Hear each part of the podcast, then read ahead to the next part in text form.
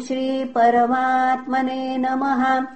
अथ द्विपञ्चाशत्तमोऽध्यायः। श्रीशुक उवाच।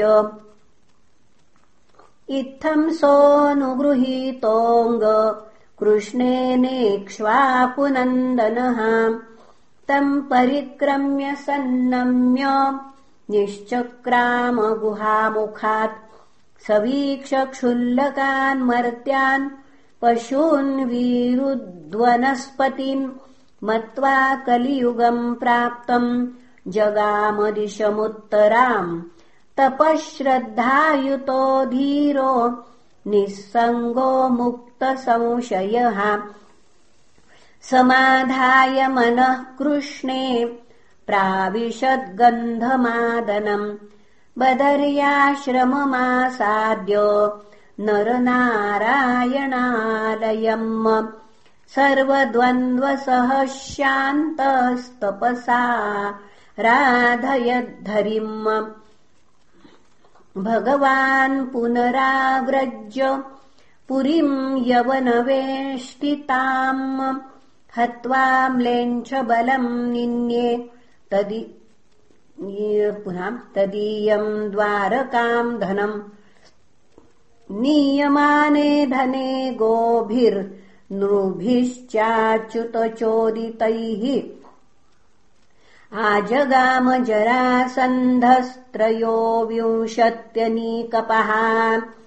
विलोक्य वेगरभसम् रिपुसैन्यस्य माधवौ मनुष्यचेष्टामापन्नौ राजन् दुद्रुवतुर्द्रुतम् विहाय वित्तम् प्रचुरमभीतौ भीरुभीतवतम् पद्भ्याम् पद्मपलाशाभ्याम् चेरतुर्बभुयोजनम् पलायमानौ तौ दृष्ट्वा मागधः प्रहसन् बली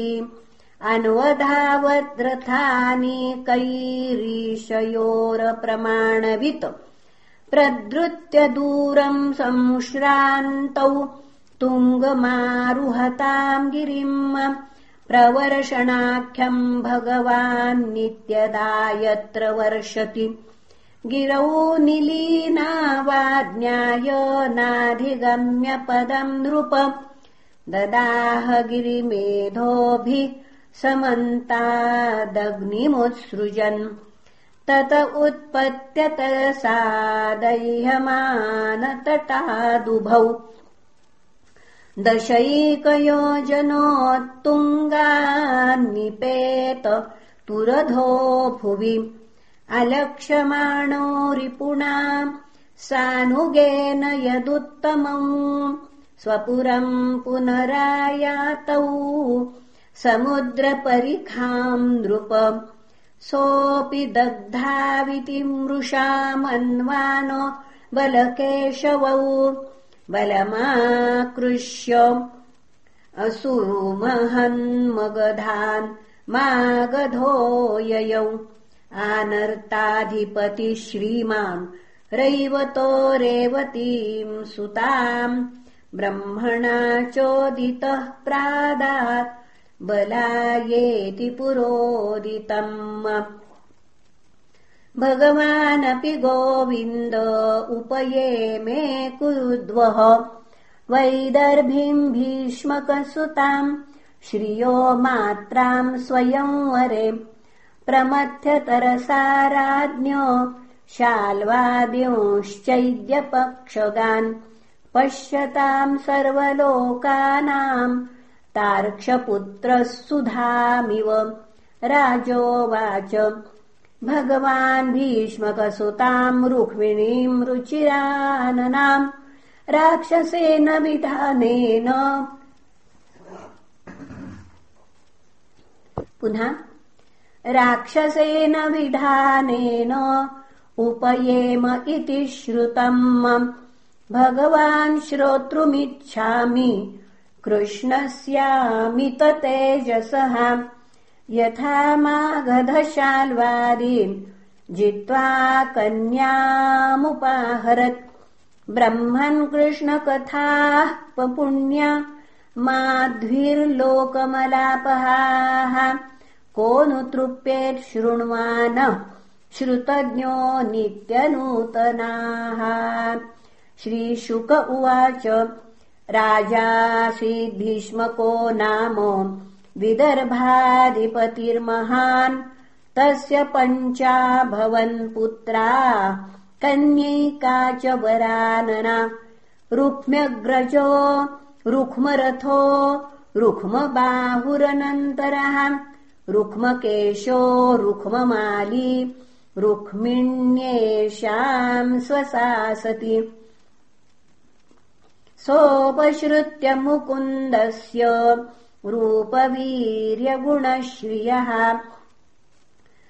गृहागतैर्गीयमानास्तम् मेने सदृशम् पतिम् ताम् बुद्धिलक्षणौदार्य रूपशीलगुणाश्रयाम्।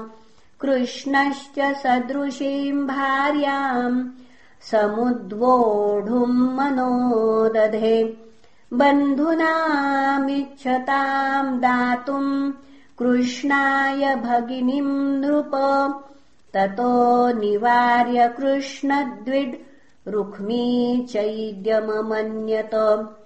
तदवेत्यासितापाङ्गी वैदर्भी दुर्मना भृशम् विचिन्त्याप्तम् द्विजम् कञ्चित् कृष्णाय प्राहिणोद्धृतम् द्वारकाम् च समभ्येत्य प्रतिहारै प्रवेशितः।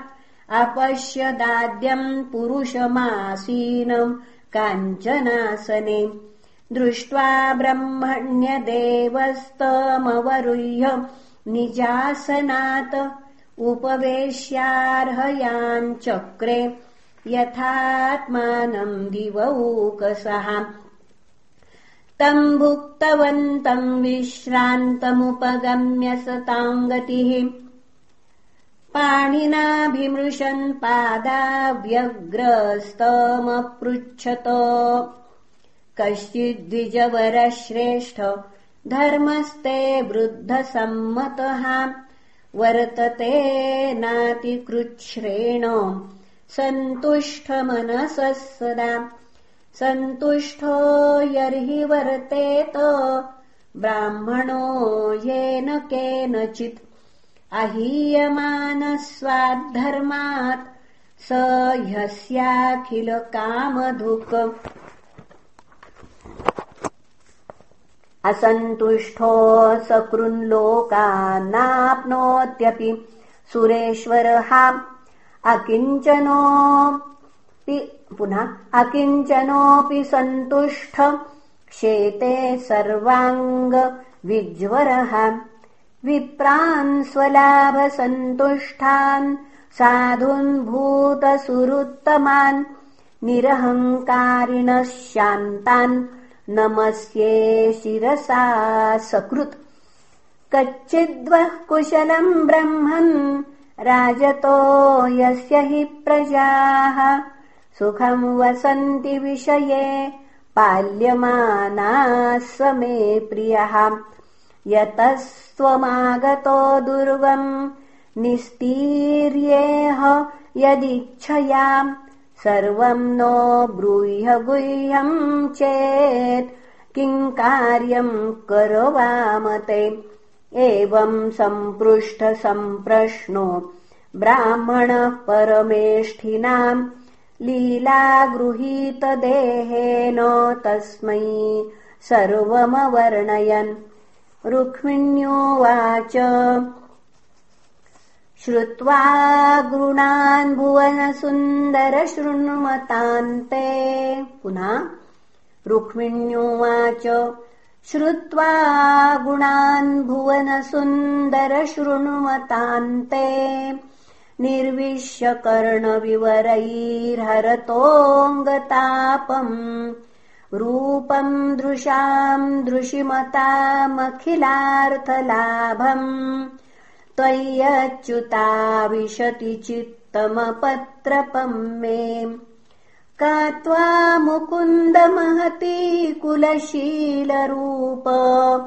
विद्यावयो द्रविणधामभिरात्मतुल्यम् धीरापतिम् कुलवती न वृणीत कन्या काले नृसिंह नरलोक मनोभिरामम्।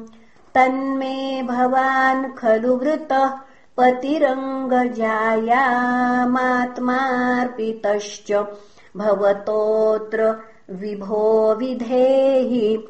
मा वीरभागमभिमर्शतु चैद्य आरात् गोमायुवन्मृगपतेर्बलिमम्बुजाक्ष पूर्तेष्टदत्तनियमव्रतदेव विप्रगुरुवरचनादिभिरलम् भगवान् परेशः। आराधितो यदि गदाग्रज एत्यपाणिम् गृह्णातु मेन दमघोष सुतादयोन्ये श्वोभाविनि त्वमजितोद्वहने विदर्भान् गुप्तः समेत्य पृतनापतिभिः परीतः निर्मथ्य चैद्यमगधेन्द्रबलम् प्रसह्य माम् राक्षसेन विधिनोद्वह वीर्यशुल्काम् अन्तः पुरान्तर चरिमनिहत्य बन्धुन्स्त्वामुद्वहे कथमिति प्रवदाम्युपायम् पूर्वेद्युरस्ति महति कुलदेवी यात्रा यस्याम् बहिर्नववधुर्गिरिजामुपेयात् यस्याङ्घ्रिपङ्कजरजस्नपनम् महान्तो वाञ्छन्त्युमापतिरिवात्मतमोपहत्यै यर्ह्यम्बुजाक्ष न लभेय भवत्प्रसादम्। जह्यामसुन्व्रतकृशान् शतजन्मभिः स्यात्।